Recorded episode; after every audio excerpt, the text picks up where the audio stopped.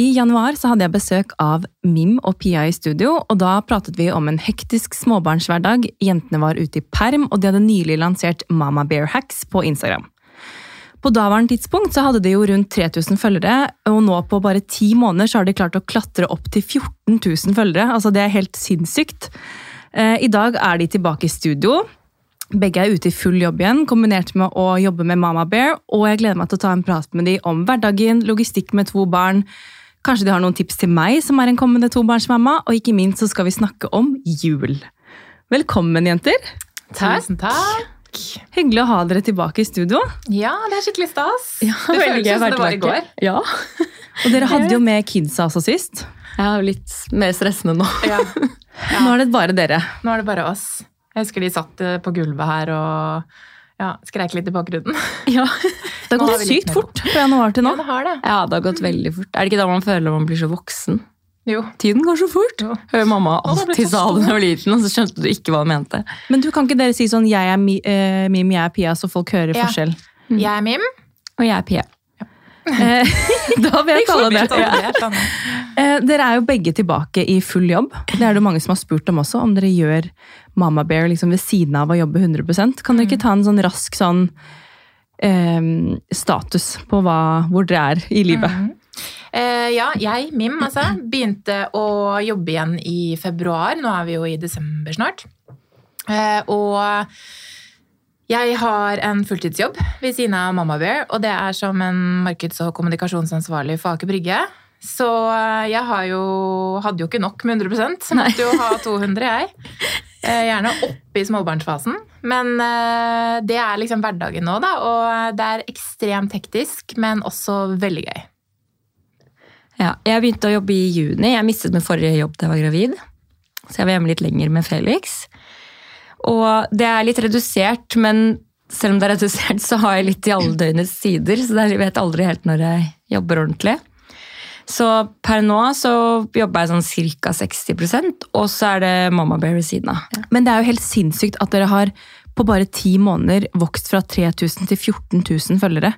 Ja. Altså, Hva er det dere har gjort for å Ja, er det vi er så utålmodige? Vi blir sånn 'Å, det tar så lang tid'. Men det, har liksom, det går litt i perioder, da. Ja, det gjør jo det. Men det har, vært, det har vært veldig god vekst hele tiden. Og eh, det som på en måte har holdt oss gående, og som gjør at vi syns det er så gøy, da eh, For det er mye kveldsjobbing og mye helger og, og. Frister som skal Ja. overholdes. Så noen ganger tenker vi jo hvorfor gidder vi det her, men det er rett og slett fordi det er så høyt engasjement. Og det er så Ja. veldig, veldig god respons fra de som følger oss og har fulgt oss eh, gjennom hele, at eh, ja. Folk føler at de blir kjent med dere òg. Og så Ja. engasjementet er det ingenting å si på. Det har aldri Nei. rent så mange spørsmål inn på en spørsmålspoll når jeg har lagt ut hvilke gjester som kommer, som det gjorde da Ja. dere skulle komme nå.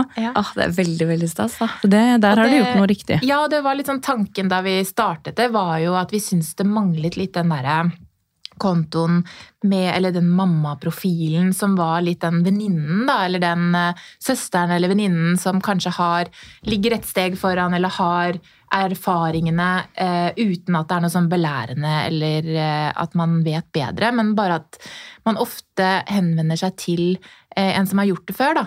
Hvordan løste du det? Hva er din erfaring? Jeg syns det er gull jeg, hvis jeg lurer på noe sånn Ok, ja, nå, så, nå skal jeg ha ny vognpose, da. Det er jo perfekt for meg å gå inn på dere, for da har dere testet alle mulige vognposer. Ja. Og jeg hadde jo ikke tenkt på engang at du kunne ha glidelås foran. Jeg har jo glidelås på siden, og det er jo et herk med en toåring, liksom. Og da er det fint med Ja. sånne nerder som oss, som går Ja. inn i Men jeg sånn syns det er helt nydelig. Utstyrsfriker som bare elsker alt av utstyr. litt for eh, nerdete der. Men det gagner jo alle sånn. andre, da. Ja, ja. Men så har du jo også begynt med, har jeg sett, det er jo nesten kun videoer dere legger ut nå. Ja. For det er jo det som slår an. Ja. Mm. Det er jo litt at det At ofte så går det bedre, men vi syns også i forhold til det vi deler, innholdet vi deler, så er det noen ganger lettere å vise det i en video enn bare bilder. Så det har liksom blitt at vi bare begynte med det, og så når vi lager innhold nå, så tenker vi jo nesten ikke bilder. Nei, det er så mye med levende og Ja. ja. Det er veldig mye gøy å se Og så er det mye morsommere. Jeg føler, Er det ikke mer inspirerende? Jeg føler- syns det det selv. syns jeg. Ja. Spesielt med deres konto. Mm. Ja. Men nå som dere da jobber 200 mm. mer eller mindre begge to, altså hva slags hverdagsutfordringer er det dere står overfor nå? ja. Ja. Eller hva, hva, er det, hva er det dere ikke står overfor? Ja. Jeg tror nok min største hverdagsutfordring er eh, logistikken, som kanskje ikke er helt optimal. Eh, det er jo et valg vi har tatt, da, så man må jo kanskje betale for det. Men ja, dere har litt ekstra der. ja, vi har jo eh, Nå høres det ut som det er noe helt sykt nå. Det er det ikke. Det er rett og slett bare det at vi har eh, barn i to forskjellige barnehager. eh, Som ikke ligger typisk gåavstand fra der vi bor. Og så har jeg på en måte jobben enda lenger fra der igjen. Så eh, hele den derre logistikken på morgen og ettermiddag, den er ikke optimal. Jeg må øh, bruke lang tid på å komme meg steder og Ja, det er litt sånn det er kanskje den største utfordringen nå. At jeg, at jeg føler liksom at jeg waster litt tid. Og Du bruker rett og slett for mye tid på det i hverdagen? på en måte. ja. Ja, og vi har ikke, jeg kan fint levere begge to, men da bruker jeg jo halvannen time ikke sant, på å komme meg på jobb. I stedet for at vi tar én hver, og så går det liksom raskere. Så det ender Så dere henter og en- leverer én hver, da? Yes. Ja. Hver dag henter jeg eller leverer Eller jeg gjør begge deler, da. Ja, og da blir det jo på en måte dobbelt opp, da. Ja. For da kunne jo på en måte egentlig den ene Ja. Mm. liksom Ja, Ja. Så ja, anbefaler å prøve å få til i samme barnehage. Ja, Mm. ja det er, der er vi heldige, da. Så den, i forhold til logistikken så er utfordringen vår bare at vi har valgt å beholde barnehagen som vi hadde i byen. Så det tar litt tid å kjøre ned fra der vi bor nå, men samtidig så er jo barnehagen som ligger rundt der vi bor også, er jo Mim og jeg bor ganske nærme hverandre.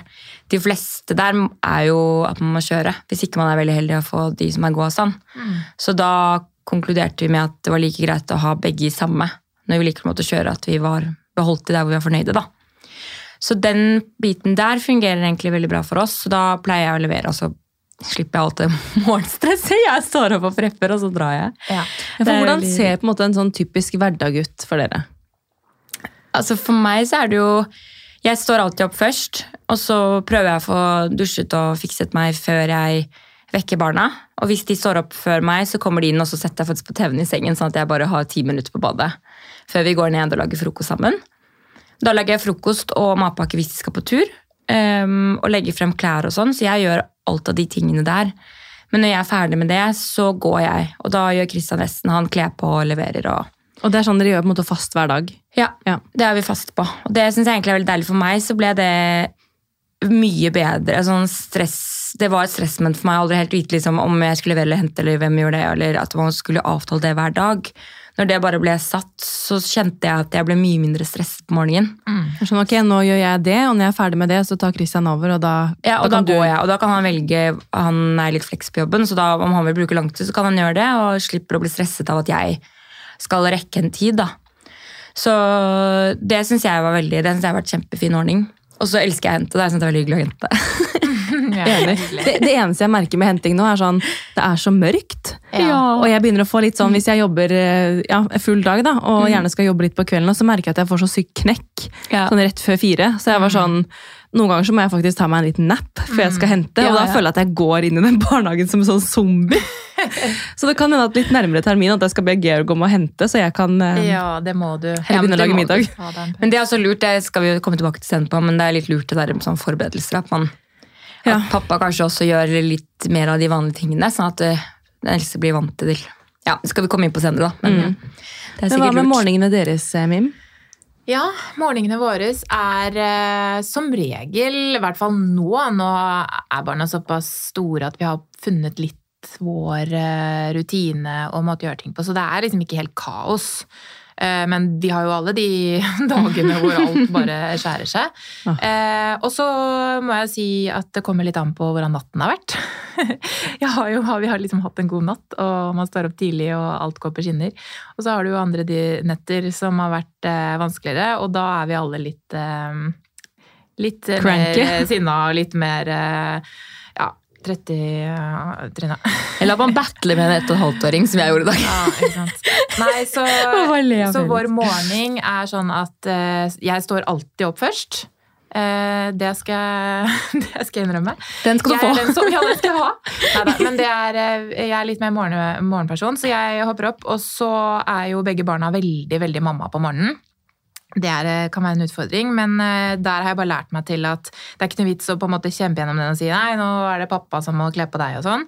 Det er bare å, å sette på startknappen, og så er det liksom å bare komme i gang. Fordi hvis man drar den morgenen litt for langt ut, så er det mer rom for å utfordre dårlig oppførsel og alt det her som du må håndtere. Mm. Så det å holde tempoet i gang uten at det blir sånn der jag, det er på en måte i hvert fall vår eh, beste løsning. Og da eh, har jeg funnet ut at eh, jeg må prøve å gjøre meg klar så fort som overhodet mulig.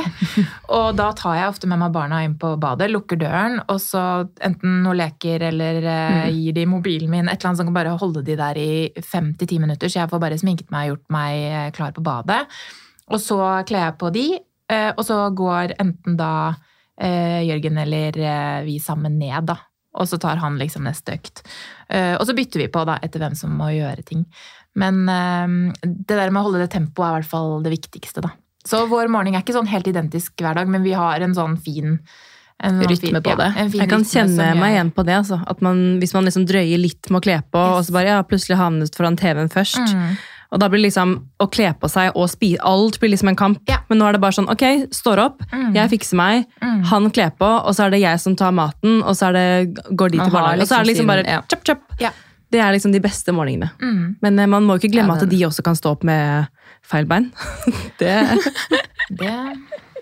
Men I dag måtte jeg bare le. men Nå hadde jeg ikke dårlig tid i dag. Jeg har vært alene med barna. Vært, det er ikke mye jeg er alene med de sånn overall, men noen ganger så er jeg det, og da er det gjerne to-tre dager. da. Og det går helt fint, og i går koste vi oss skikkelig. og tenkte sånn, å, der har vi så god flyt, Og så står vi opp i dag, og alt gikk egentlig helt fint. Og de var bare så søte og greie med meg hvis jeg fikset meg og alt. Og så går vi ned, og så vet jeg ikke hva det var med Felix. men han bare, alt var feil. Jeg tror egentlig han bare ville kose. Ja. Og så kunne jeg ikke bare sette meg der og kose med han. Og så endte jeg med han er så sterk, så at jeg måtte bare ja. skulle kle på han. og han bare kjempet, Så det gikk helt fint, og det var good vibes only når vi dro. men da kjente jeg at når jeg da hadde muligheten til å bare roe ned, så tenkte sånn, ok, det blir litt sent i dag, men da blir det det. Og da mm. går det jo greit. De kjenner jo bare vårt stress. Mm. Det er nettopp det. Så, men nå har jeg funnet ut at når jeg ikke vasker håret, så bruker jeg elleve minutter på badet med dusjing. Altså, I'm just saying. Det er rått. Man blir så god på å være rask på badet. Vet du hva? Man, uh, vi mødre mm. uh, Men det er jo veldig mye spørsmål om uh, fra én til to kids, både fra lytterne og fra meg, egentlig. Um, så kan vi ikke bare starte med å ta en liten sånn Hvordan syns dere den overgangen har vært? Og hva er liksom aldersforskjell på kidsa? Ja. Vi har jo ganske like alder på barna. Ja. Så uh, de uh, største gutta våre er jo fire år, og så har jeg en halvannetåring. Og Felix er vel snart Han er straks to, det er sjukt, i februar. Mm. Så det er vel to år og to måneder har vel jeg imellom. Ja, og jeg har to og et halvt uh, år imellom. Mm. Så um, overgangen den um, har jeg glemt. Hvordan var den? Ja, dere har kommet dere over kneika, dere nå. Ja, jeg har kommet ja, litt over kneika, faktisk. Men, Men um, det vi syns var største overgangen, er jo det på en måte at begge to må være på. Det er ikke sånn at den ene kan slappe av mens den andre mm. Ja, så For ja. oss så tror jeg den største overgangen var nok ikke for meg, men det var nok for min eh, mann. Eh, jeg vet ikke om han vil si seg enig i det, men jeg tror nok at uh, gutta blir tvunget til å steppe opp gamet.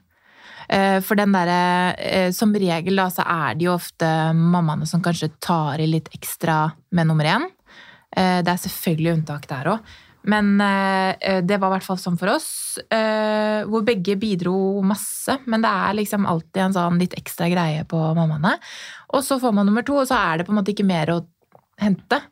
Men har dere da delt dere opp sånn, fordi jeg har en venninne, eller noen flere venninner som egentlig har fått nummer to nå. Mm. Og de er sånn, ja, eh, pappaen tar den eldste, på en måte. Altså sånn, Selvfølgelig mm. mammaen også er jo mm. fortsatt ansvarlig, liksom, men at han har nå på en måte mer eller mindre hovedansvaret for den eldste.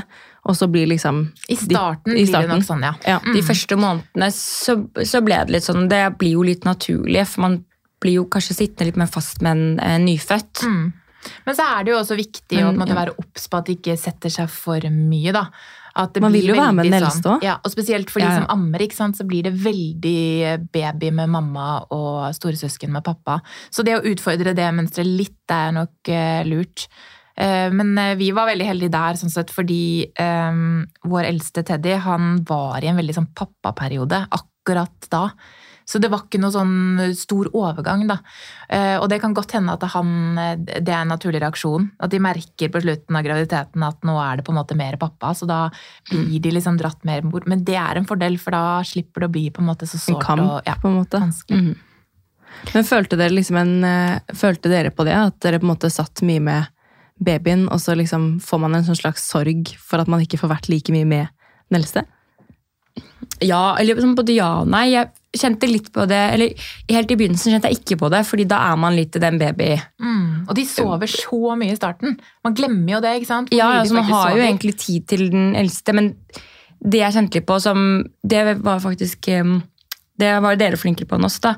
For jeg merker litt sånn, Plutselig så fikk jeg den derre Å, herregud, jeg har ikke noe mamma- og makstid. At det var så lenge siden jeg hadde hatt det, fordi man begynner å fikse sant, de klassiske sånn, babyen sover, eller du har litt tid, så da fikser man det, eller gjør noe der. Eller. Og så var han på en måte Han var jo også den, sånn, var liksom pappagutt i den fasen. Um, og da glemte jeg det litt, og så plutselig så fikk jeg sånn Oi, shit, nå savner jeg liksom at det bare er oss to. Liksom, liksom, ja. fordi man gjør ting sammen hele tiden. Vi var flinke til det, vi er veldig flinke til å gjøre ting sammen, men jeg hadde ikke den alenetiden. Og det husker jeg snakket med deg om, fordi det var du, det er dere flinkere til kanskje å ha litt fokus på. da. Ja. Eh, Og da begynte jeg å gjøre det, og da merket jeg at det, da ble jo han også mye mer stabil i humøret, og de ga meg også veldig mye. sånn Det var deilig å være litt meg, og ikke bare ha en baby på seg hele tiden. Mm. Trenger er litt den breaken. Ja, det er skikkelig viktig. Så man kjenner det ikke så mye når man bare sitter i den boblen. Nei. Men ammet begge? I en kort periode, begge Ja. to. Jeg, jeg, eh, vi har jo hatt allergibabyer, eh, begge to. Ja. Og, eller allergi, og jeg vet eh, vel egentlig aldri helt hva det var. Men i i hvert fall reagert på morsmelk. Så tre måneder holdt vi ut. Uh, holdt vi ut, faktisk. Ja, det Men jeg tenkte på bare sånn med, med flaske, sånn om man ammer eller ikke, da, men bare Mm. det å på en måte kanskje kunne la eh, pappa og kanskje liksom storesøsken hjelpe til litt med å på en måte gi mat, Mm, også sikkert kan være fint, da. mm. Ja, jeg, var, eh, jeg tok faktisk fra jeg kom fra sykehuset, så ga jeg en flaske i døgnet. Jeg pumpet meg og ga flaske i døgnet så lenge som jeg ammet. Mm. Så, og det var ikke noe med sugevilligheten som gjorde at eh, jeg måtte slutte med ammingen. Det var jo kolikk og morsmelk, eller sånn allergi for morsmelk. da. Men jeg syns det var en veldig fin greie, for da visste jeg at hvis det skulle bli et problem, så tok han flaske. Og det bare å ha den tryggheten gjør at du nesten ikke trenger å benytte deg måte av det, fordi du visste at du kunne kunne Gi gi flaske, ja. og at Kristian kunne gjøre det. Så jeg gjorde ofte på kvelden at jeg pumpet meg, og så gikk jeg og la meg, og så satte jeg flasken. Og så, måtte, så tok Kristian da siste måltidet, sånn at jeg Så fikk noen kunne- sammenhengende timer. liksom. Ja, smart. Så det syns jeg var veldig fint. Ja, det er gode tips. Jeg tenker sånn, hva, hva er deres beste liksom, hacks for å få en litt sånn smooth hverdag med to barn? At det er mange, da. Ja, eller eh, det der med en smooth hverdag, tror Så det er mye jeg- planlegging som går gjennom, da. Ja. Eller som går igjen. Prepping, prepping er jo livet, på en måte. Så da, men det har tatt oss litt tid da, å Ja. komme oss dit. Men jeg føler vi begge er jo der nå hvor vi har eh, fått gode rutiner. Eh, planlegging er bare Uansett om du er en planlegger eller ikke, Bare bli det. bare bli det. Altså virkelig ja, eller man er så glad for de dagene man Ja. har planlagt bra, Ja. fordi det er smoothere. Åh, det, er, det gjør ting så mye enklere. Eh, og ikke minst uh, vær god til å kommunisere med partneren din og forventningsstyr, fordi at det, der kan man fort krasje i hverdagen. Da. Hvis du står opp om morgenen og man egentlig ikke har avtalt på forhånd hvem tar hvem. Er det jeg som skal ta han eller henne nå? Eh, Så blir det dårlig stemning. og så plutselig så har man ikke snakket om på forhånd, og så blir man litt sånn Nei, jeg tok henne i går, og Ikke sant? Bare, bare snakk om de tingene. Avklar på forhånd med alt. Hvem leverer, hvem henter? Eh, har du gjort det? Enten at du har et fast opplegg, eller at du bare får bare, bare avklar på forhånd. Dagen før eller en time før, eller hva det skal være. Det syns jeg er viktig, da. Da slipper du å komme i de der kjipe situasjonene som bare skaper mer uro og stress for alle. Eh, ja. Veldig bra. Men hva med, hva med sånn tips til før man får babyen, da? Altså sånn, hvordan, kan man, hvordan forberedte dere, eh, de store søsken, på at det kommer en baby? Altså, vi har jo snakket litt om det tidligere i forhold til sjalusi og sånn. Mm. Men uh, har du noen gode tips der? De, der tror jeg faktisk de månedene forskjell på oss to var litt avgjørende. Fordi Mm. jeg prøvde, men Max var såpass liten. Han var jo på en måte en baby selv. Sånn. Han var jo så vidt over to år, så han skjønte ikke med magen. Den var egentlig litt i veien, og det var ikke noe baby. Altså han, Og det er veldig individuelt da, på barna, uavhengig av alder òg. Ja, ja. Så han var jo ikke der. på en måte. Han forsto det jo ikke. Nei. Nei, så det var vanskeligere kanskje for dere. Og det er jo fordelen med å Altså, vi ventet jo ikke så Det, var, det er ikke så mye forskjell. Nei, det er jo bare men bare den, den lille forskjellen. Og um, vi var veldig opptatt av å forberede uh, Teddy, da. Uh, som da mm, var veldig opptatt av magen, han var veldig opptatt av baby, alt det her. Så vi på en måte snakket jo mye om det. Eh, så jeg tror, fra min erfaring, er eh, fra sånn siste del av graviditeten Les bøker om det å få en baby. Se på Daniel Tiger-episoden. Eh, Gjør de tingene på repeat. Snakk om hverdagen som kommer til å komme. Si at når baby er her, så skal vi gjøre sånn, og da blir det sånn og sånn. ikke sant? Bare, bare repeter de tingene, sånn at de begynner å forberede seg mentalt. Um, og, Og de forstår jo veldig mye mer enn Ja. det vi tror. ja, og gi eh, Det gjorde vi, da. Gi eh, barnet ditt en dukke. Det jeg, altså det, det var så genialt for oss, fordi eh, Teddy fikk en liten dukke mot ja, de siste månedene, og det var på en måte hans lille baby. Og han tok, altså, han tok så ansvaret for det. Han skulle mate den, skulle spise med han, han skulle ha den med seg på alt.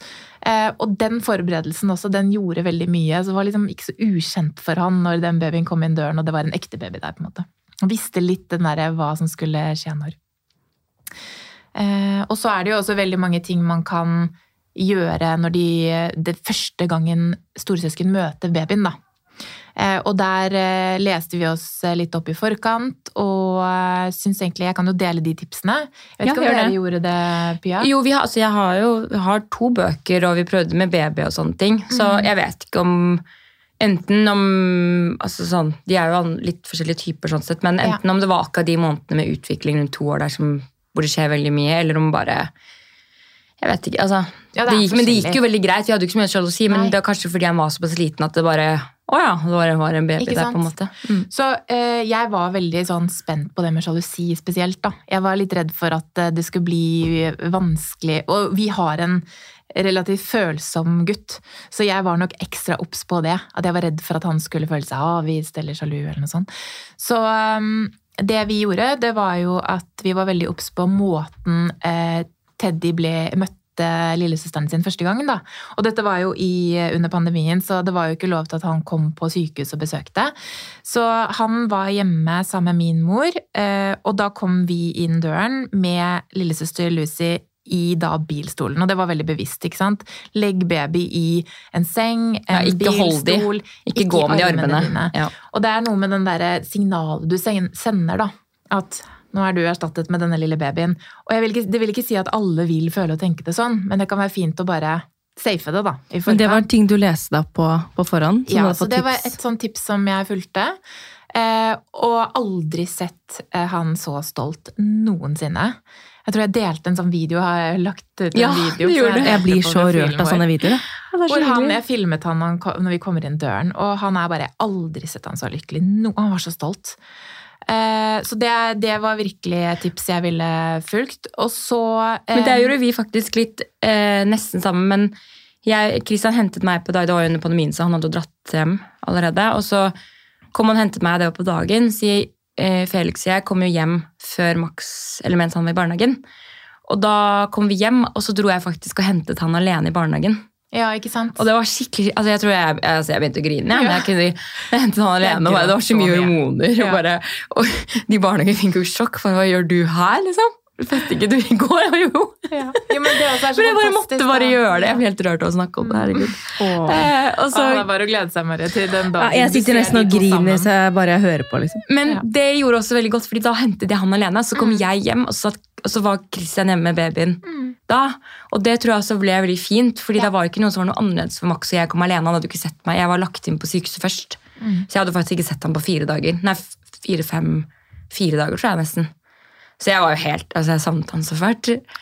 Så um, Ja, faktisk. Jeg må dele også en eh, venninne som fikk nummer to nå. De, eh, nå har det jo ikke vært pan- pandemi, så de kunne jo altså jeg må bare si, for at De gjorde det også veldig sånn koselig. De, Mm. eh, hun var på sykehuset, og så dro han og hentet sønnen eh, hos besteforeldre, eller hva det var. Og så dro han på sykehuset. Så møtte, med- møtte, møtte de babyen der. Og så var de sånn, skal vi ta med babyen hjem? Ja. Og så tok, dro de liksom sammen hjem. Ja. Ja, det er Også da. veldig, veldig Og det kan man jo nå. Det Ja, kan det man kan nå man når det ikke er covid. Ja. Og så Men, er det det eh, der når du kommer hjem, da, eh, så er det litt Det som jeg syns var viktig, det var å, å tenke gjennom hvordan vi refererte til babyen eller lillesøster, da. Og ikke eh, si det på en måte som eh, storesøsken oppfatter som at eh, du er utenfor dette. Og det vil si at man sier eh, 'vår baby', 'din lillesøster', fokuserer på at dette er din og vår og sammen og liksom sånne Ta det med på liksom sånn, skal vi bytte bleie, kan du Ja, hjelpe til på en ja, måte? Involvere Mm. de så mye som overhodet mulig. For hvis du er god på det i de første ukene, så tror jeg på en måte du etablerer veldig den stoltheten til å bli storesøsken, og ikke den de følelsen at de er erstattet eller Mm. utenfor. Mm. Så det er en sånn god investering, tenker jeg, å gjøre helt i starten. Eh, Og som du sier, involvere i alt. Altså ta de med. La de føle at de kan bidra på alle mulige måter. Kan du hjelpe meg å hente ser- våtservietter, og nå, nå må du holde denne, eller Ikke sant? Eh, La de få lov å ta del. Men det føler jeg egentlig hjelper veldig sånn i Nå kan ikke jeg sammenligne med å ha to barn, men i andre situasjoner i hverdagen også. sånn hvis det er på en måte litt sånn utfordring med nå skal vi spise, liksom, hvordan få henne til å være med på å spise, og, eller hvordan vi skal legge og sånne ting, så prøver jeg liksom bare å si sånn Skal vi lage middag sammen, på en måte? Og da syns hun det er gøy, og Ja. da blir det ja, mye mer lettere å gjennomføre den aktiviteten, Ja. på en måte. Da Ja. føler hun seg som en del at hun er viktig. Ja. At hun må hjelpe deg for at det skal At det skal bli en middag, på en Ja, måte. ja. Mm. Det tror jeg er veldig lurt å skape den følelsen. Så når det gjelder sjalusi, så, så syns jeg ikke Vi merket ikke noe til sjalusi før eh, Lucy nærmet seg ett år, egentlig. Okay. Det var da vi syntes det begynte med litt mer sjalusi. Så, og det kan godt hende at man gjorde grunnarbeidet, og så Skled litt ut. Litt ut. eh. Eller så tror jeg også det handler litt om at når de begynner å nærme seg ett, så er de i storesøsknene sitt øyne mer enn konkurrent. De står og går og får ha mer ord og liksom ting vil skje, plass, Blir mer ja. menneske, tar Ja. mer plass. Um, ja, så det er jo eh, Det vil jo mm, for de aller fleste komme på et eller annet punkt. Men det er ganske mye man kan gjøre i både forberedelser og i starten som kan unngå det, da. Um, jo, og en ting til som jeg glemte å nevne også, er jo eh, som er veldig fint, det er jo det å, å fokusere på å ikke skylde så mye på babyen. For det er jo veldig naturlig at man kan gjøre, at man sier 'hysj, vi må være stille, babyen sover'. Eller Ja. eh, nå, 'nå kan vi ikke gjøre det fordi babyen skal sove', eller eh, hun eller han trenger ro. eller sånn. sånne. Så heller, heller prøv å, å si det på en annen måte. Altså, du kan jo si 'nå må vi være stille for babyen sover', men du kan si det på en helt annen måte. Du kan si 'skal vi leke stilleleken', eller 'skal vi gå opp og leke'? Og så, så fokuser på andre ting, da. Eh, og ikke på at vi må ta Babyen hensyn til behov. babyen. Jeg Ja. må begrense deg fordi babyen har et behov. For da vil jo sjalusien komme mye fortere, fordi at storesøsken tenker jeg får ikke gjøre noen ting, jeg får ikke snakke høyt, jeg får ikke leke, jeg får ikke gjøre noen ting, for den babyen skal jo bare det og det og det. Åh, men det er sånn jeg har tenkt på sånn at jeg skal prøve å ikke gjøre. Sånn der, og vi må være stille, for eksempel. Mm. For det er, sånn, det er jo umulig å være stille når man har lyst til å leke. Altså, sånn, Mm. Så prøver jeg å tenke sånn, hvis jeg bare lar den babyen sove Mm. så, Men det er veldig lett å si nå, da. Ja. Fordi når man Ja. kommer dit, og den babyen endelig sovner, så blir man sånn «Åh, Ingen må gå her, ingen Ja. må gjøre noen ting. Men, eh, men det får vi bare se hvordan det blir. Mm. Ja, og så kanskje det kommer til det punktet hvor du føler at du må være stille, men da får du heller eh, avlede storesøster med noe annet, da. Ja. Du, skal vi gå og gjøre det, eller eh, skal vi finne på noe her, eller ja. Der brukte vi mye white noise òg, da. Ja, det hjalp, gjorde vel, det. hjalp Mm. veldig i begynnelsen, syns jeg. For, for da Men bodde vi i leilighet. Ja, det har jeg tenkt på, i forhold til, fordi våre rom også er jo Vi har liksom en gang mellom, og så er det vårt soverom og hennes soverom. Mm. Og så har jeg tenkt på sånn på natten sånn ikke at det baby, Men jeg har tenkt at Olivia kommer til å våkne av babyen. Ja. Og så har jeg egentlig tenkt at Olivia burde ha white noise. ja. På en måte. Altså sånn, hadde dere utfordringer med det? At de våknet av hverandre om natten? Eh, ja og nei. Eh, i, I perioder, helt klart. Men mm. Det er, eh, vi har brukt mye white noise. Ja. Og det Ja, det kan godt hende at vi hadde klart oss fint uten, men eh, jeg syns det bare har vært en sånn utrolig deilig Vi gjorde det ikke med nummer én, vi gjorde har gjort det, og vi bruker det fortsatt. Altså til så mange anledninger. Og det har gjort at jeg kan slappe litt mer av, og ikke må være sånn Hysj, hun sover, og vi må være stille. Ja, eller gå på tåhev rundt. Du tør ikke å ta opp til oppvaskmaskinen. ikke sant? Virkelig, det, bråker. hjelper. Og da har jeg for eksempel ved legging, eh, hos, og vi bruker det fortsatt, hos oss i, eh, mellom soverommene er det ganske eh, tett, sånn at eh, rommene er eh, ganske nærme hverandre, og gangen er liten, så da kan jeg eksempel legge white noisen inn på rommet hennes når jeg legger henne først, sånn at når han skal legge seg, og hun kanskje ikke har sovnet enda, så vil ikke hun ligge og høre, Høre eller bli forstyrret av det. Da kom, går hun inn i litt sin egen sone, og så kan han på en måte snakke vanlig og være seg selv, og ikke måtte begrenses hele tiden. Og sånn har vi egentlig gjort hele tiden. Og så kommer vi kanskje til kvelden, og, og jeg vet at vi er i en fase hvor hun våkner mye på natten. Mm. Da legger jeg den inn til han. For da er det han som kanskje trenger å få lov å sone ut, og ikke våkne av det. Og så kan man selvfølgelig ha flere white noise. Vi pleier å bruke det også noen ganger hvis vi har besøk, og så er jeg sånn, ok, jeg vet det blir mye prat eller musikk, eller at det blir på en måte mer støy, yeah. sånn uventet støy, enn det det vanligvis er en vanlig kveld, på en måte. Da pleier jeg bare å legge den inn, for da vet jeg at jeg slipper å være sånn, å, kan dere gå litt stille i gangen? så liksom. Det er sånn, ja. For da føler jeg meg som en sånn derre, ro, ikke sant? Ja. Ja, fordi det merker er jeg litt, ikke at det er ikke egentlig at Ja, fordi det er jo ikke det nødvendigvis at de at- våkner, men at de man føler på det selv. Men du, da kan du i hvert fall slappe med det selv. Mm. Altså, da er du ikke Og vi vet alle det, som har små barn, at man kan gå og liksom, ha det litt sånn derre Gi litt ekstra hjertebank. for Sånn, å, ikke våkne opp nå, ikke våkne opp nå. Mens, og det å kunne lene seg på et sånn ah, Men jeg kan, jeg kan være sånn derre Åh, Georg, du bråker veldig når Ja. du tar ut av den Ja. oppvaskmaskinen. Så er det sånn Ok, men da kan du gjøre det, da! Det er, sånn, jeg bare, er det mulig å bråke så mye, liksom? Men det er jo spesielt hvis man kanskje er ekstra sliten, eller hvis man vet at de på en måte har sovet dårlig, så er det bare sånn «Hysj!» Jeg vet det, fordi da orker du ikke at de skal våkne. Nei. Nei jeg Og så, det. og så har vi jo brukt white noise eh, veldig sånn bevisst som en søvnassosiasjon da, for Lucy. Eh, og det vil si at vi har jobbet veldig mye med å eh, bruke typisk white noise eh, eller andre ting som ikke avhenger av oss. Sånn at istedenfor at jeg må vugge henne i søvn, så venner hun seg til at den lyden betyr natta og søvn, og jeg klarer å sovne Men. Vi brukte masse også da Oliva var nyfødt, og jeg syntes det var sykt digg å bruke det faktisk selv òg, hvis jeg skulle prøve Altså, å jeg har brukt det så mye. Mm. For Så det hvis, er jo hvis han var med, å sovne selv med barn i hus. Ja, altså sånn, i hvert fall sånn den første tiden, sånn hvor du vet at du må sove, men så klarer du ikke fordi du vil bare se på barnet ditt. Så var det sånn, Hvis Georg var sånn 'Nå går du og legger deg', liksom. Jeg tar henne. Og det var sånn, Hvis jeg bare hørte et lite knurk, så var det du sånn ikke koble vet du. Nei, så det var sånn, Bare å ha på det selv syns jeg var helt nydelig.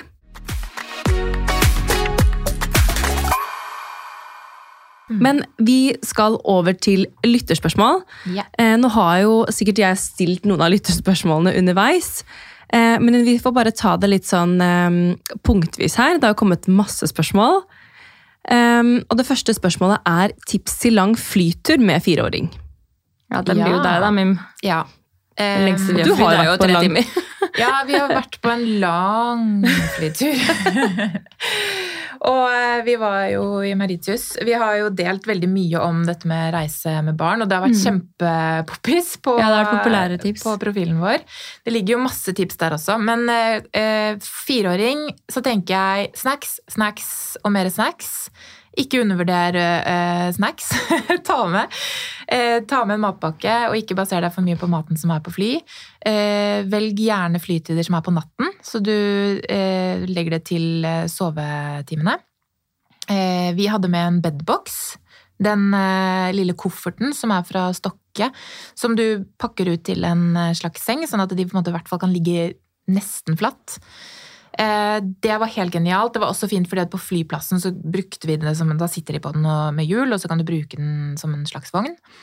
Eh, bare være obs på at det er ikke alle fly som godkjenner den, så det kan man sjekke på forhånd. Eh, Kan jeg spørre, Hadde dere da den i tillegg til reisevogn med på flyplassen? ja, vi hadde faktisk det. Ja. Og det var fordi vi skulle mellomlande på natten. Ja. Og vi har en fireåring som ikke som gjerne vil sitte i vogn når lillesøster sitter i vogn. Ja. Så, eh, men vi var en stor eh, gjeng som eh, dro, så vi hadde litt bærehjelp, og sånn, så det gikk helt fint. Men du må ikke det. Eh, Bare se an barn. barnet ditt, på en måte. Eh, og så aktivitetsleker. Eh, noe som kan underholde tegnebøker eh, og gjerne Men der er altså tips da at em, enten så velger du nye leker, men man trenger ikke alltid kjøpe nye heller. Hvis du legger vekk, Ja. kanskje to uker før du drar, da, så lager du en boks hvor du legger vekk de lekene du tenkte du skal ha med på flyet.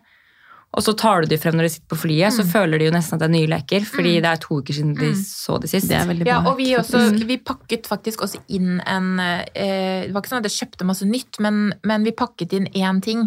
Sånn Ja. at det ble en sånn spenning, nyhetsmoment rundt det. Ja, ja. Eh, som gjorde at, Og det var noe Lego eller noe han satt og bygget på. ikke sant? Noe de kan sitte og holde på med litt over tid. Også, og ikke minst snakk om det på forhånd. Forbered deg Ja, på hva som skal skje. At det er mange timer. timer. Mm. Ja, nei, det er, ja. Og så er det jo hvordan få mindre stress om morgenen med små barn. Det har vi jo egentlig vært eh, ganske mye inne på. Dette med Ja. å planlegge, eh, legge frem klær på forhånd og litt sånn forventningsavklaring Ja. med, Med partneren din. Ja, og har du, en, har du stressende morgener, så gjør ting dagen før. Kvelden før. ja, kvelden før. Lag Da, matpakke, ja. matpakke, legge frem klær. Mm. Der har vi jo gått uh, hack da, Ja. med den der Claes Olsson eh, Ja, det har vi ikke lagt ut, da. Skal vi fortelle? ah, Ja, vi kan avsløre litt. Det kan hende den ligger ute når den episoden kommer, da. Ja, det kan hende. Det burde den kanskje gjøre, da. Men ja, da kan man legge klar eh, klærne for hele uken. Og så ja, gå inn på profilen vår, så kan dere se den, eller? Det, Det, er en sånn, eh, elsker jeg. Hvordan kan man få, Hva heter det egentlig? Det er jo en skohylle. Det er en skohylle som er sånn eh, du kan sammenleggbar. Du henger opp, og da er det gjerne seks lommer i den. Og da legger du klart klær for hele uken. Det kan du gjøre på søndag. Da har du bare rullet sammen alt. faktisk. Ja, Mm. og det syns jeg er helt genialt. da. For da er det ikke noe å si hvem som finner klær. og ja, Slipper er det å planlagt. ende opp med noen bad outfits.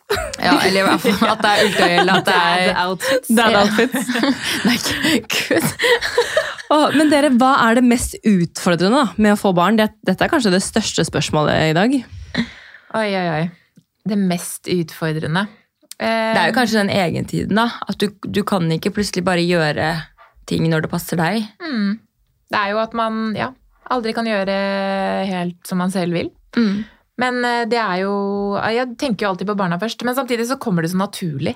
Så det er jo ikke sånn at uh, det egentlig er så utfordrende når man er i det. Nei, det er jo ikke det. Du finner en løsning uansett, på en Mm. måte. Mm. Mm. Og man ville jo ikke byttet det for noe annet heller. Nei. Og så vet man jo at det er for en periode, da.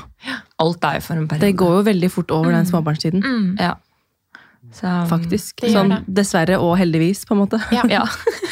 Eh, beste sko til ett og et halvt åring. Eh, og nå er det jo vinter, så jeg vil jo tro det kanskje er vintersko, da. Vi har jo Ja. testet både overgangssko og vintersko. Ja, Vi har ikke testet så mange vintersko, men vi har jo litt erfaring med litt ulike Ja. merker. Mm. Men vi, har jo, vi lager jo litt sånne produkttester av og til, og sist eh, var jo overgangssko. Eh, Med vintersko så har vi jo vært veldig fornøyd med Pia, du har jo brukt Superfit for litt smalere føtter. Ja. Eh, Viking og Ponni har vi også vært veldig fornøyd med. Eh, men det viktigste tror jeg nok er å velge noen litt lette sko.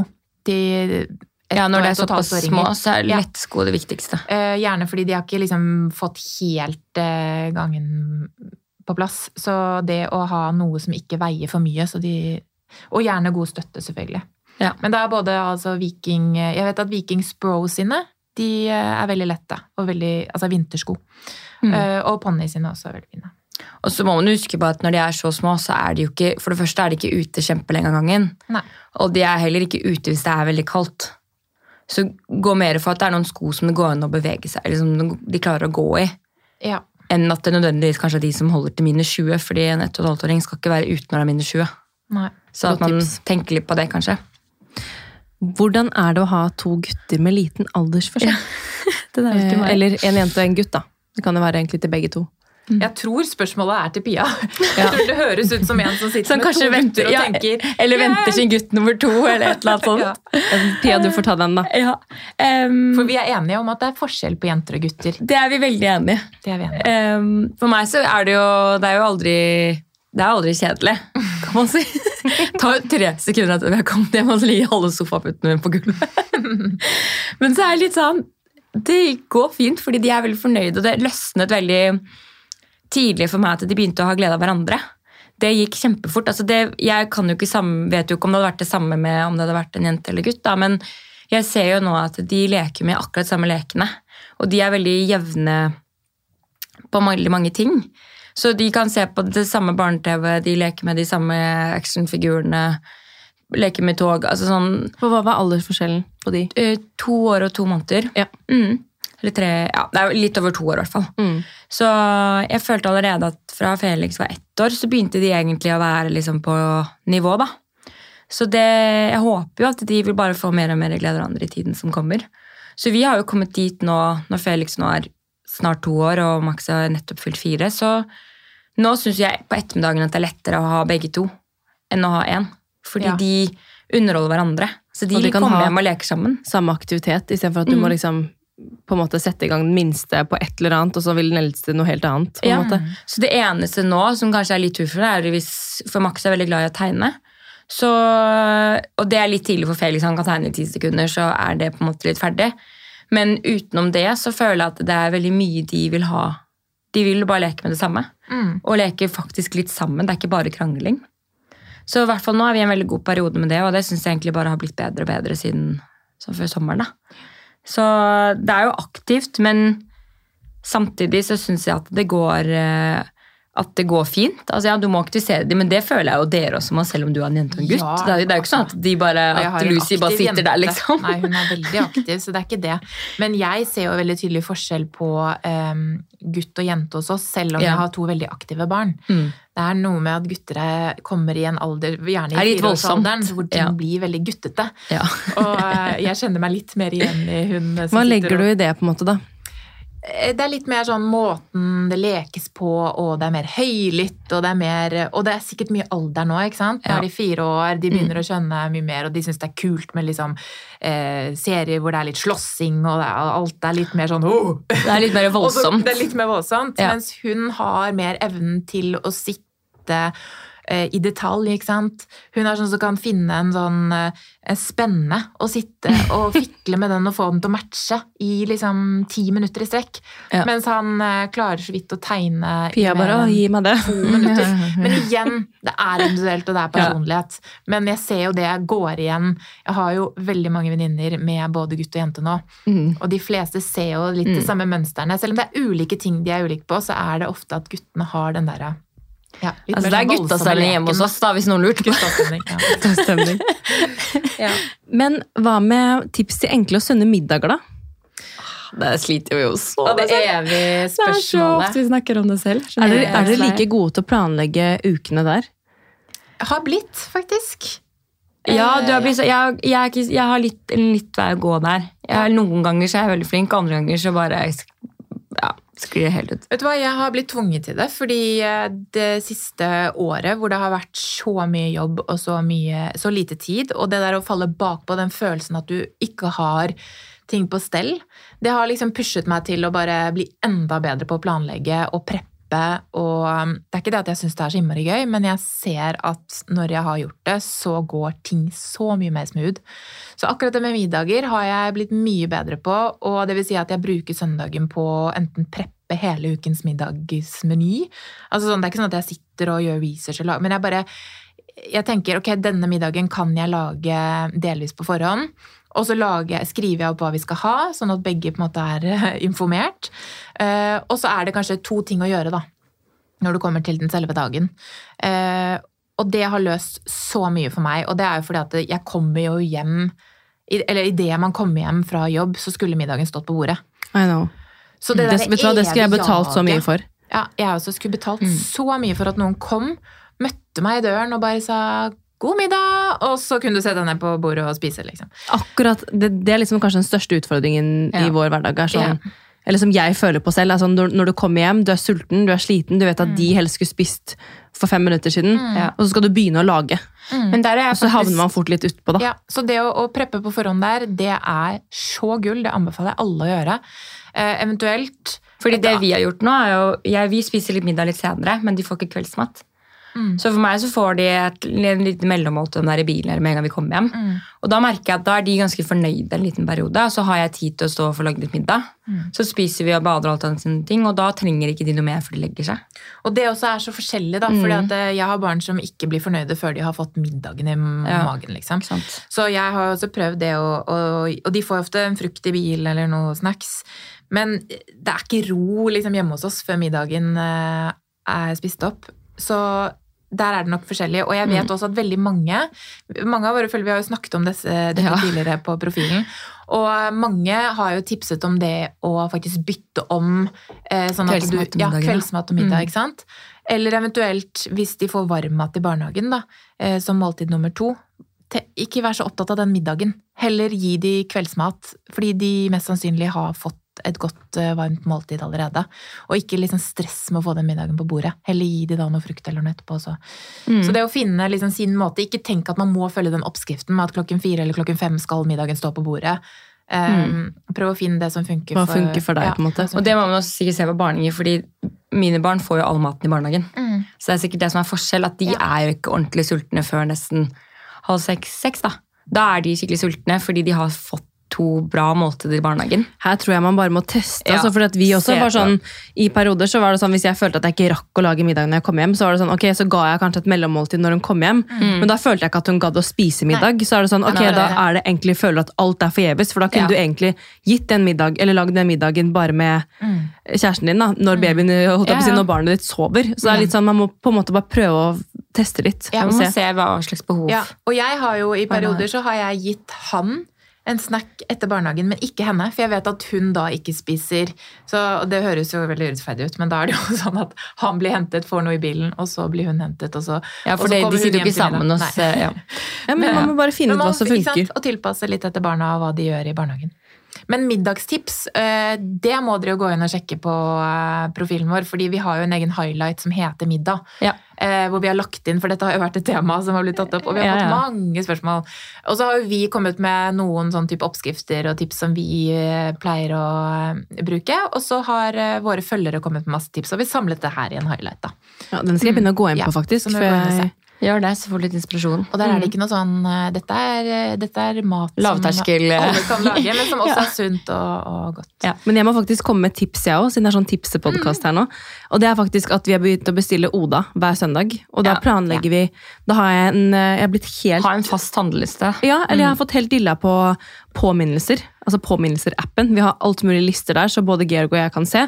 Og da står liksom hele ukesmenyen der. Eh, og så har vi også en handleliste, så man bare putter inn ting hvis man eh, Ok, nå begynner det å bli tom for smør, da putter vi den inn der. Og så vet vi at vi må bestille en ny på Oda. Og da er det sånn, da vet vi, da har vi liksom hele ukesmenyen. Ja, Så det er så sykt smooth å bare Ja. vite at ok, men vi har fylt kjøleskapet. Og det å legge det inn som en fast rutine at hver søndag Og det som er så fint med Oda, at du får jo levert på dagen etter. Altså, du får jo levert så på digg. mandag når du bestiller Det søndag. er det beste jeg har gjort. Så selv om du er god på å planlegge, trenger du ikke være så god på å planlegge. Du kan gjøre det dagen før. Ja. Så det å sette seg ned hver søndag, ha det som rutine at sånn Ok, nå tar vi den der ukeshandelen, og gjerne prøve å, å tenke Og vi sparer mye penger, altså. Ja, handle for hele uken. Ikke den der småhandlingen, for den, Nei, har vi det gått på. Den smellen har vi gått på mange ganger. Mm. Da blir det dyrt. Gå sulten i butikken? Nei, nei. Men hva med leggerutiner og leggetips da, dere? Eh, hvordan få baby til å sove selv og sove hele natten? Dere nevnte Ja. jo white noise. Ja. Det her er det jo også litt sånn derre Det er jo ikke noe ekspertsvar på det her, liksom, men vi har jo begge, begge um, lest mye forskjellig og begynt fra tidlig av å prøve å lage liksom bra søvnassosiasjoner for baby. da. Ja, vi, Vi har, jo vært, det der vi jo har jo egentlig- vært veldig ja. opptatt av rutiner begge to. Ja. Det kan vi jo si. Selv om det er et veldig omdiskutert tema. Men det er jo litt også fordi vi er rutinepersoner selv. Og da fungerer jeg fungerer bedre hvis jeg vet hva som skal skje, hva jeg skal forholde meg til. Mm. Og Så man må jo egentlig også gjøre over. Ja, ikke sant? Da smitter det over, fordi da har jo jeg det bra. Ja. Så det er jo klart at da smitter det over også. Ja. Så jeg, jeg syns jo det har vært ekstra viktig med disse rutinene og det å jobbe med legging og søvn med nummer to. Ja, det Fordi, syns jeg òg. Få den Eh, kvelden sant? alene. Det veldig mange lurer på, Mm. da, er hvordan i huleste legger du to barn samtidig, hvis du er alene med dem, eller ikke samtidig, men i hvert fall på samme Eller alene, da. Eh, og der er jo på en måte egentlig det beste rådet å jobbe med leggingen. Fordi jo fortere du kommer til det punktet hvor det er eh, ikke en times tid å legge, eller du bruker en times tid på å legge, jo bedre for deg og begge barna.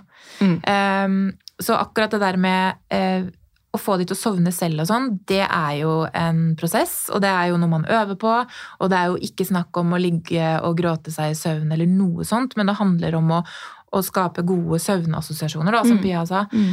Eh, som vi har jobbet veldig mye med, og, og det er faktisk noe du kan velge litt selv, hvis du er bevisst på det. Eh, Så vi har jo vært bevisst på det at vi ikke ønsker å bli sånn vuggesøvn, fordi eh, det har jeg gjort en gang før, og Det er får ekstremt tidkrevende. Det er tidkrevende, det er Mm. fysisk veldig veldig slitsomt, mentalt veldig veldig slitsomt. Eh, Ja, men, og det på en måte at du må være inne i rommet til barna sovnet ja, også. Så blir det veldig vanskelig når du har to barn. Da. Så det å begynne tidlig å legge en litt sånn halvveis plan for hvordan du skal jobbe med legging, det tror jeg er viktig. Ehm, og så Og begge vi to, når det skal sies, begge vi to har jo begynt med det. Det begynner man jo med på dagtid, Mm. sant, å øve på. Fordi da er man gjerne kanskje alene med baby, og man har litt mer tålmodighet til å øve på det. Ja. Og da vil du automatisk gå Mm. på kvelden, ikke sant? Og så kan Så du begynner jo ikke på å øve på det på kvelden. Nei, og så er det jo ikke sånn at eh, det da blir kjempelett å bare legge baby når du har herregud, det storesøsken tar jo lang tid. Men jeg skjønner at det er mange som lurer på det, for jeg har jo tenkt på det selv. at sånn, Mm. ok, Si at jeg er alene en ettermiddag, da, hentet i barnehagen, og så kommer man hjem, og så skal man lage den middagen. og så Alt er jo på en måte litt sånn Det skal jo bare skje slag i slag. Og så kommer det til et klokkeslett hvor man begynner å legge, og så blir man sittende og amme, da. Ja. I Ja. tre kvarter, liksom. Mm. Altså, Hva gjør man da? Altså det, og det med amming er jo kanskje den største utfordringen, fordi du blir faktisk låst. Eh, så Gå og amme i bærene selv, da? Men jeg hadde faktisk et par episoder der, fordi da jobbet Kristian litt borte, så han var borte Du kan jo ikke la babyene ligge og Når, og det liksom. var når, da- var Felix veldig liten. For det er, jo, det er jo klart at det er, de første månedene så er det jo litt utfordrende å ha begge alene, selvfølgelig. Og alt går, og det går fint, og man må bare ha roen og tenke at nå er det dette jeg gjør. Men kan man få hjelp da, så er jo selvfølgelig det en fordel når, akkurat når babyen er veldig liten. For etter hvert får du et mønster, så du kan planlegge litt. Men jeg husker at jeg satt inn på rommet til Max og sang for han samtidig som jeg ammet Felix. på, liksom, på stolen ved siden av. Og da var Max sånn Er Felix her? Er Felix her? Nei, han er ikke her. Jo, jo. Så Man gjør det man må. ja, man, man får det jo til. Ja. Det gikk jo bra. Ja, jeg var litt sett etterpå, men det gikk jo fint. Ja, og så er Man det, får det til, liksom. det er ikke noe å være redd for, fordi hva er det verste som kan skje, da? Det tar litt eh, lengre tid før ja, du sovner. Eller Ja. storesøsken ikke legger seg til akkurat klokken syv hvis den skal altså sånn, Ja, det går eh, bra. Prøv å senke skuldrene, og tenk at dette er en liten periode. Og be gjerne om hjelp. Si du har besteforeldre eller venninner, for den saks skyld. Hvis du tenker at denne kvelden her skal jeg ha begge, og jeg skal legge begge, hvordan skal jeg få det til å gå? Så vil det egentlig bare skape mer stress for deg og barna hvis du syns det er en uh, ubehagelig tanke. Så heller be om litt hjelp den kvelden. Ja, altså Det er snakk om du trenger hjelp i liksom to timer. Mm. Altså sånn, det er jo ikke for å underholde storesøsken eller ja. Ja. Og det jeg gjorde veldig mye, da, det var å ta med meg Teddy på legging. Det høres ikke optimalt ut, men hvis han fikk lov til å bli inkludert enn å si du må sitte der nede og du må være stille eller du får ikke lov å være med Mm. opp og sånn, Mm. da Eller gi alternativet. Ja. Vil du bli med opp nå, eller vil du gjøre det? Ja. Så Ja, så fordi du da føler, selvfølgelig minste først. Ja. Ja. Og da, og da føler jo de at de får være med å bestemme, ikke Ja. sant? hvis du gir de, til, gir de alternativet. mm. Så prøve å tilrettelegge litt eh, for begge, og så be om hjelp hvis du føler, føler at det er helt umulig. Mm. Så be om hjelp. Det er vi jo så flinke til, alle sammen. Ja, ikke sant? Men så er det jo disse og det er Men det følte jeg opp veldig med oss, det der med at jeg ga bare Max alternativet. Så han ville bli med eller ikke bli med. Og da var det av og til så ville han selvfølgelig bli med. Og da tenker du litt inni deg bare sånn Åh, må du? Ja. Og så ble han med, ikke sant? men det er ikke så veldig gøy. De må jo sitte ja, okay, og sitter der og noen synger, og Ja. ja, ja, han skal sove. Så det tok ikke så mange gangene før han heller ville kanskje, Da fikk han jo kanskje lov å se litt iPad eller se litt barne-TV eller lese en bok. altså Ja. Da velger han jo det. Det er ikke Ja. lang tid før de velger det. da. Da inkluderer du han i hvert fall i det, da, så han ikke Det er føler seg ute De føler at de selv har bestemt. Mm. Det er jo det som egentlig er nøkkelen, føler jeg hos oss. Ja, da. At jeg bare legger det frem som at Max føler at han har bestemt selv. Mm. Og da har du Og så kommer de kanskje inn en gang iblant når du akkurat har fått baby til å sovne, og så gjør de et eller annet som får den til Og så er det der og da føles det som verdens undergang, ikke sant? Men da er det da Man må bare må le litt av det òg. Og så må puste, du bare ja. tenke. Da ble det sånn. Da ble det sånn i dag. Ja. Men dette her går veldig fort over, og det kommer til å bli annerledes. Så ja. Det er ikke Ja. noe fasitsvar. Nei, det er jo ikke det. Men det er jo det som jeg, også, som jeg ikke fikk sagt i stad, men som jeg synes kanskje er mest utfordrende også da og nå, er jo det der å være 100 til stede med akkurat det man gjør der og da. For det er så mye du vil gjøre samtidig. Mm. sant? Og så plutselig så bare Å, jeg fikk en mail, eller Å, shit, jeg må rydde til middagen, det er rotete, eller Å, den vasken, eller Det er så mye man skal gjøre samtidig. Mm.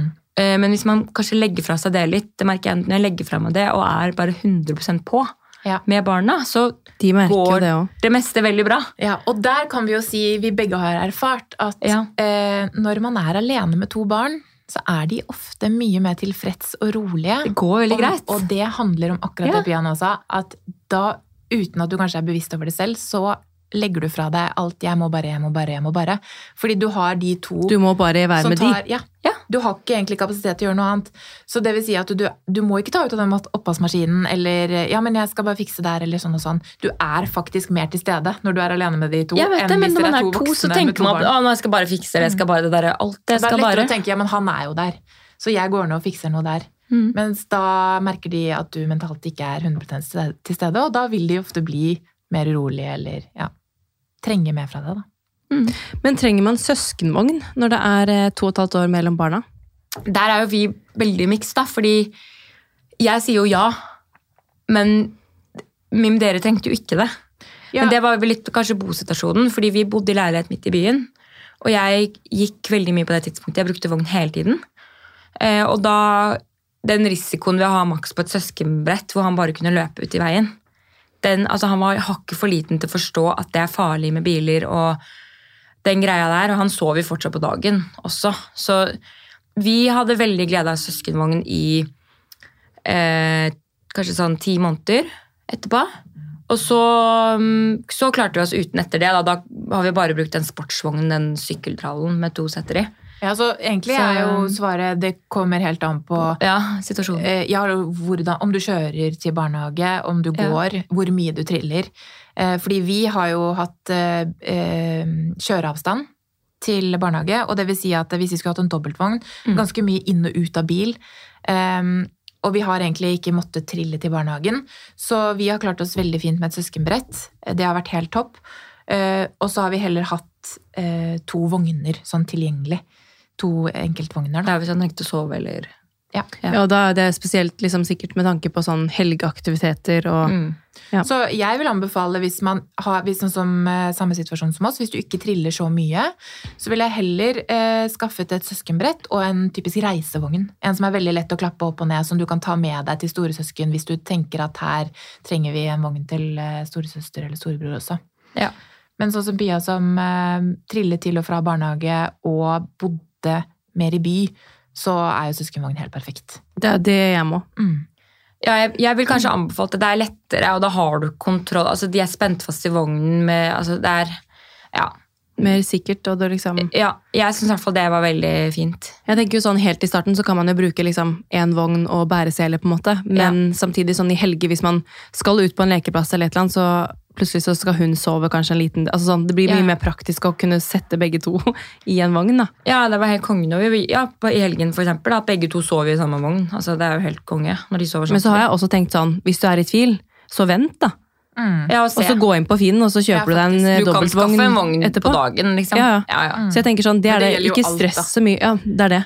Og men når du er, når du er andregangsmamma, så tror jeg man er litt mer avslappet på det. da. Du, Ja. du har skjønt at jeg trenger kanskje ikke ha alt utstyr på er plass. sånn, før, vet du hva, eh, Apoteket og eh, en eh, ja, barnebutikk ligger faktisk rett Ja. Altså det ligger under fem minutter Ja. gåavstand fra meg. Ja, ja. Så om det ikke er, er alt i hus, så kan jeg gå bort og kjøpe det. Ja. ja, ja, ja. Så prøv å bare være litt sånn lugn på det. Mm. Um, ja, nå kommer det en del spørsmål som vi har vært igjennom, så jeg tror jeg skal hoppe over noen av disse her, altså. Men um, beste hacks for å hente barn i barnehagen med en baby? ja. Ja, den er jo, Der brukte vi litt samme begge to. At man prøver Jeg som hentet i vogn, så hvis, da prøvde jeg jo egentlig å time det med at han kanskje sov en ettermiddagslur, sånn at han faktisk sov i vognen mens jeg gikk inn og hentet storebror. Da syns jeg det gikk veldig fint. Eh, hvis man kjører bil, så er jo det som dere også har brukt mye, mye med at man prøver å ha babyen i bilstolen. Mm. Så at du har to hender ledig, og at, at eh, storesøster eller storebror føler at man er til stede for de, da. At Ja. det er litt fokus på de akkurat når de blir hentet. ja. Det er Og så syns de jo det er veldig Stas, stas. ja, når Spesielt når de får være med inn i en bilstol og synlig for alle. Og ja. det tror er jeg de veldig gøy. aller fleste syns er kjempestas. Ja. Eh, Så det er, det er en veldig fin løsning. løsning. Men hvor, kan jeg spørre hvordan eh, dere gjorde det i starten? Sånn, det blir spørsmål fra meg, da. Men eh, eh, i forhold til levering og henting, var det liksom partner som steppet opp da, da babyen var Sånn nyfødt? helt i starten. Ja. Eller hvordan Eh, gjorde dere det?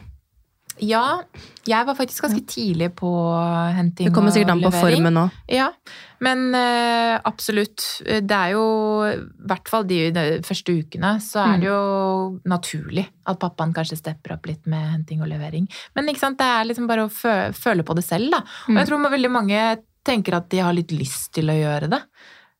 Man føler litt det behovet for å, å komme inn i hverdagen og være, være med storesøsken også. Eller jeg syns det var veldig deilig å slippe å levere, egentlig. Da.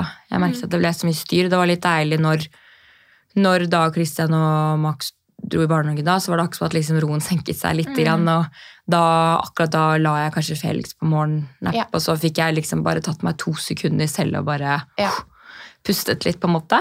Så jeg syns det var en veldig fin start på dagen. At da har man det hyggelig sammen, og så drar de i barnehagen, og så har man det rolig, og så gikk jeg heller og hentet For det synes jeg var veldig ålreit, egentlig, å ta en tur og bruke litt tid på det, og så trillet vi hjem, og så liksom, bruker man litt tid på det på ettermiddagen. Det var egentlig bare hyggelig. Mm. Så ja, vi gjorde det sånn, da.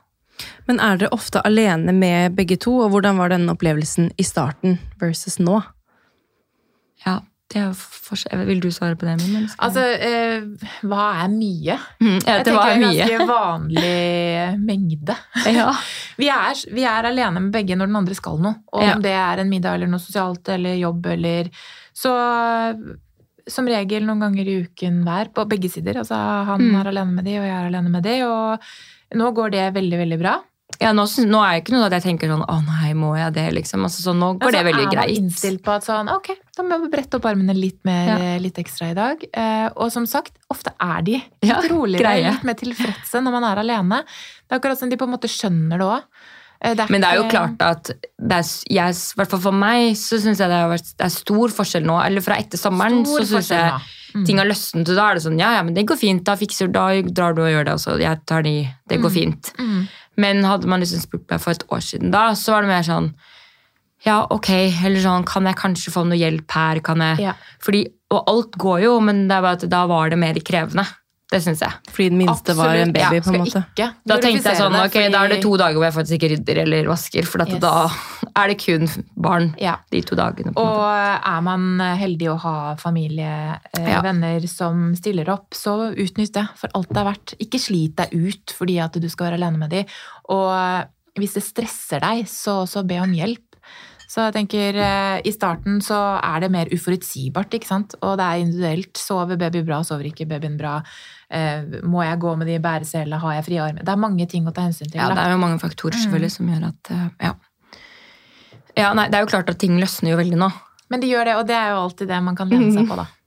Alt er jo for en periode. Ja. Det er sant. Så må man prøve å nyte kaoset litt også når man Ja. sitter i det. Fordi ja, det er litt kaos for alle, men det er jo også en veldig hyggelig periode. Ja. Så man prøver å legge det litt fra seg. Mm. Alt det må bare og man skal være så god på det, eller skal være til stede overalt hele tiden. Mm. Men når man egentlig bare sitter litt i det og prøver å nyte og tenke at denne sånn, perioden er kort, så Ja. er det jo kjempehyggelig. Og så er det sånn, ok, så spiste de en wienerpølse til middag da, fordi du er alene med de, og du hadde ikke Vi- noe vet du hva? Vi hadde pølser i går. Ja, Vi hadde Ja, pølser i altså, går. Det var helt nydelig. Ja, vi- tok altså, fem minutter å lage middag. liksom. Og, ja. Men da blir jo, i hvert fall hvis du da er alene med det, og du tenker at oh, nå er det så mye jeg skal, som står på meg, gjør det enklere for deg selv da. Ikke sant? Bare, Spis brødskiver da til middag. Ja. Eller varme opp en fiskekake, liksom. Mm. Eller en toast eller egg. Vi lagde omelett i går. og tenker du at er eh, digg, da må jeg sette på en film så hun eller han sitter stille. Altså sånn, gjør Da det. gjør man det. Ikke sett så innmari Høye høye krav. krav, til deg selv, eh, eller barna, for den saks skyld.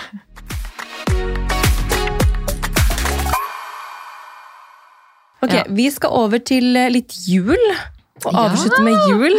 Herregud, Det nærmer seg. Det nærmer seg, og så er det noen som spør da om hva kan man gjøre med i julen med baby under ett år? Hvor mye skjønner de egentlig nå som de er så små? Ja, den snakket vi faktisk litt om her. Og mitt, mitt tips til det er egentlig at eh, prøv, eller legg aktiviteter til dagtid når de er, eh, når de er liksom våkne og har energi og ikke er slitne. Og så er det jo veldig ofte at vi foreldre skal, man skal kose seg så mye da, hele tiden. Så det blir så mye kos at det blir bare tull, fordi at det blir altfor mye som skal skje for dette lille barnet, og altfor mange inntrykk. Og da ender de bare opp med å bli overstimulerte. Og da blir det jo ikke noe kos, på en måte, for da blir det bare altfor mye. Så kanskje spre aktivitetene litt, og Ja. gjør en ting av gangen, da. Og så tenker jeg litt sånn ett år Vi skal jo ikke svare på hva de skjønner og ikke, Nei, men, men- jeg tenker Ikke legg for mye av dine tanker om hva som er eh, Hyggelig jul. hyggelig og kos og betyr noe. Og man blir ofte litt sånn overgira, for man tenker oh, jeg vil å lage julekalender, jeg vil gjøre sånn, jeg vil fikse det, og så kan vi lage en julesokk der, og en jul, Ja. bake pepperkaker. Og, Ja. Men husk på en måte at det viktigste for den ettåringen er jo bare at dere er sammen og har det hyggelig og, og koser dere, ikke alle disse tingene som vi blir påvirket av fra, fra utsiden, da. Um, og så kommer det etter hvert, ikke sant? Ja. Det, det er veldig fort gjort å bli litt overgira Litt for tidlig. Ja, Ja. og det sier jeg er erfaring, altså, fordi jeg var rask på det at jeg skulle lage pakkekalender, og det har jeg bare skjønt at sånn Det er jo ikke noe vits eh, før de blir litt større. Altså, alt i sin tid. Og ikke brenne opp eh, kruttet fra første stund. Ja. For det vil egentlig bare gi motsatt effekt, da. Ja, men det er det, ikke sant? For vi skal kose oss, det skal være så mye kos, og så blir det for, så mye kos at det blir jo ikke kos, på en Ja. Eller sånn. Ja. Ja. Men hvordan skal dere feire jul i år, da? Har dere noen juletradisjoner? Vi er litt Vet du hva, vi, det har vi snakket mye om, for Ja. nå er vi på en sånn eh, Nå er vi liksom på et sted i livet hvor vi Det er et skifte, da. For man går kanskje Ja. litt fra det å være en del av familien vår sine Mm. juletradisjoner og være et typ gjest i familiens hus, til å bli Kanskje ikke gjest i familiens hus, men i hvert fall Man er på besøk, da. Man drar på besøk, da. Ja. Til å, å kanskje skulle skape egne tradisjoner, da. Og Mm. den er litt sånn eh, Den er litt spennende, litt skummel, litt eh, eh, Man må på en måte begynne å tenke litt nytt på jul, da. Og Pia er vel kanskje der Du er et Ja, steg for foran ja. meg, fordi du skal jo arrangere jul. Jeg skal jo jul. faktisk arrangere julen til hele familien. Ja. Hos oss. Det er Så voksenpoeng. blir- ja, altså, jeg har aldri følt meg så voksen som jeg er nå. Eller som jeg Ja. skal være. Jeg jo, føler meg ikke voksen, men.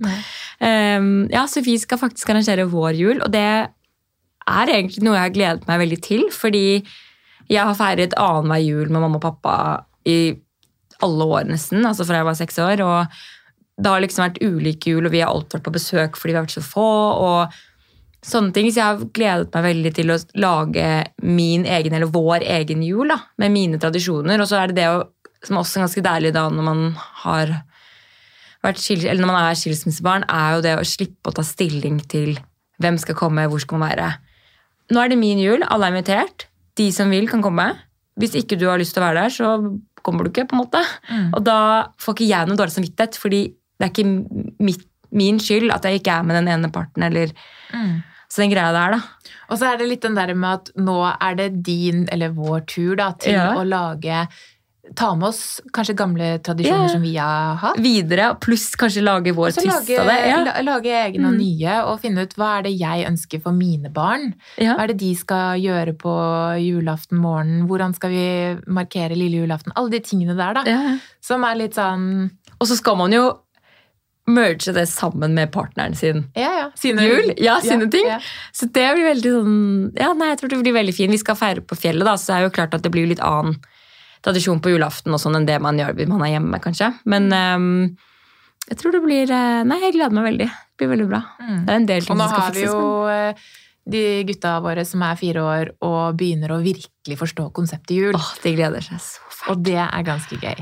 Når de virkelig Kjempemorsomt. bare sånn I år ser- føler jeg at det sånn, Ja. denne julen her, nå blir det skikkelig gøy. Mm. For i fjor var de sånn Forsto litt, men det var ikke, Mm.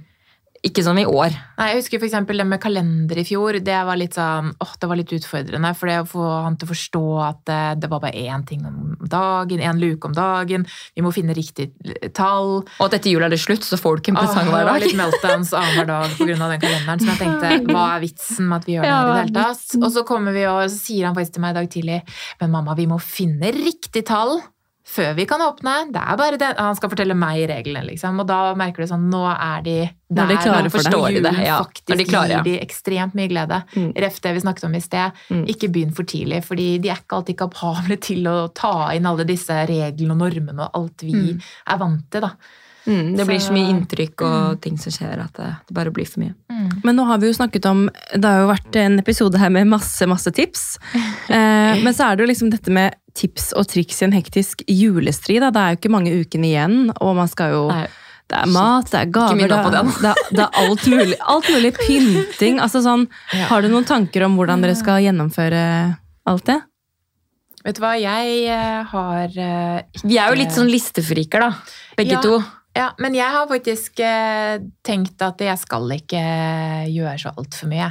Jeg skal ikke pynte meg i hjel og lage og Nei, for jeg har bestemt meg for nå, I og med at jeg skal feire jul, så kan jeg jo på en måte bli utslipp på en måte nesten av det. Men jeg har bare bestemt meg for at jeg skal ikke stresse. Og senke kravene litt til meg selv og tenke at det blir jul uansett, og det blir hyggelig. Og at de som kommer, det er familie. Altså Alle kan jo hjelpe til, og det er jo selvfølgelig noen som skal fikses på forhånd, men det, det, altså, det går jo bra. Ja. Så jeg har kommet litt dit, jeg òg, at man må bare senke de kravene litt. Grann. Mm. Det blir jul. Det blir jul uansett. Ja. Så, men det jeg jeg, baserer merker meg foreløpig på mammas jul. jeg skal bare vente ett år til Sykt før jeg blir voksen. Sykt digg. Altså, Ja, det skal man gjøre så lenge man kan. Ja, jeg skjønner ikke hvorfor jeg skal prakke det på meg selv når eh, det Nei, når du ikke må det. Nei. Man kan møte opp til dekket bord. Ja, faktisk. Ja, Men det har vært kjempehyggelig å ha dere med i studio. Vi har en siste, et siste punkt, Mm. og det er jo hot mama-tips. Eh, Ikke hele denne episoden være hot mama-tips. Nei, men Nå skal Nei, vi jo ikke tenke på hva som er best for familien og for alle andre og for Nei. oss selv, men nå, hva er det dere gjør liksom hva er det dere gjør for egentid? Self-love? Altså, Har dere noen hot mama-tips? Ja, hva er det, Ja, det er mye, ass. Vi gjør, eh, nei, vi gjør ikke veldig mye for oss selv. Det er faktisk noe vi har snakket om at vi skal bli bedre på. Det vi har snakket om hele høst, at vi må begynne å gjøre noe for oss selv. Ja, ja, eh, ja og så har jeg også en veldig sånn innstilling om at uh, dette er en periode Ja, hvor man gir mye uh, til barna. Og så er ikke vi som er midtpunktet. og det er helt greit. Men eh, ja, hva gjør vi for å ta vare på oss? Altså, eh, jeg tror mitt eh, beste tips, lavterskeltips, som gjør at jeg i hvert fall føler meg vel sånn i hverdagen, det er jo, Én er jo å ta vare på hår og negler og bare føle seg vel. ja. Eh, Det andre er eh, den der følelsen du ofte har når du kommer hjem fra jobb. Veldig eh, hektisk dag, og du er sliten, og du har kanskje på deg klær som ikke er superkomfortable. Få det av deg, ta av deg sminken. Um, investere Begynn litt på nytt, ja, nesten. Ja, liksom du, før du skal brette opp armene. Gå litt i den andre modusen. Uh, og invester gjerne i en litt ordentlig pysj eller et lounge-sett eller noe du føler deg vel i, men som allikevel er kjempekomfortabelt. Og så tar du på deg det når du kommer hjem fra jobb, så du slipper å få ketsjupflekker på jobboutfitet ditt og irritere deg over det, eller at eh, buksen strammer litt ekstra for når jeg skal sitte på gulvet og leke. Altså, få det av deg. Eh, og ikke minst at eh, det blir veldig deilig å gå og legge seg når du har gjort alt på forhånd. Det er i hvert fall mitt Dette er jo selvfølgelig de dagene du skal være hjemme, da. Ja. Ikke. Ikke når du skal ut etterpå. Um, ja. Nei, det er jo de tingene der vi har snakket om at Ja. det er de små tingene man gjør for seg selv for at ting blir litt mer komfortabelt, da, som gjelder nå. Så får man heller begynne å ja. Jeg er jo sånn som elsker å vaske ansiktet og putte på alle krevene mine og kose meg helt sykt. Det, det er min lille sånn hverdagslyks. Men det er fin egentid, da. Det er, det, det er jo litt egentid, for da bruker jeg litt tid på det på badet. Og jeg har alltid vært nøye med, med huden min, fordi da går det også mye fortere å sminke seg. Mm. Ref mine elleve minutter på det. Men Men det er jo faktisk noe med det der å senke terskelen også, som vi har snakket mye om. Men det er Ja. sånn, hvis man på en måte hvis man på en måte ser på den tiden som ok, dette er min egentid, Ja, og gjør det til noe hyggelig, så blir det, da blir de elleve minuttene ok, men det er min tid på morgenen. Som jeg Ja, gjør noe for meg selv, og det gjør at jeg får en bedre dag. Ja, Så og da på kvelden når man kvelden. måte vasker seg litt, eller tar en dusj før man legger seg, eller sånne ting. Det er det jeg merker at jeg setter veldig pris på Ja. nå om dagen. Da. Så, um, og så er det selvfølgelig Jeg trives veldig godt med å ha en fast rutine på trening og sånne ting. Mm. Og jeg har, er flink til perioder, men så kommer det, skjer det alltid noe. da. Så er det Enten så er barna syke, eller så blir vi syke, eller så er det noe som skjer, og så sklir det bare ut. Så, og i begynnelsen så stresset jeg over det. Mens nå har jeg tenkt at ok, sånn er det. Og det er en bonus hvis man får det til. Men det er jo klart at på sikt så har man det jo bedre av å ha noen litt sånn større rutiner på egen pleie, selvfølgelig. Så det er sånn- får vi se neste gang vi kommer hit, om du kanskje har. Om ett år igjen så kanskje vi har noen nye Hot Mama-tips. ja. Men tusen, tusen takk, jenter, for at dere kom til studio, og god førjulstid. Takk. Takk, i like måte. Eh, hvis folk ønsker å komme i kontakt med dere, hvordan når de dere da? Da kan de finne oss på mamabear.hacks på Instagram. Ja. Bare sende meldinger, og vi er jo veldig glad i eh, engasjement, så vi får Vi snakker jo veldig mye med følgerne våre, det syns vi er gøy. Kjempegøy, og det gir motivasjon. Ja. Mm. Så fortsett med det. Mm. Tusen takk for at dere kom. Takk for oss. Ha det. Ha det.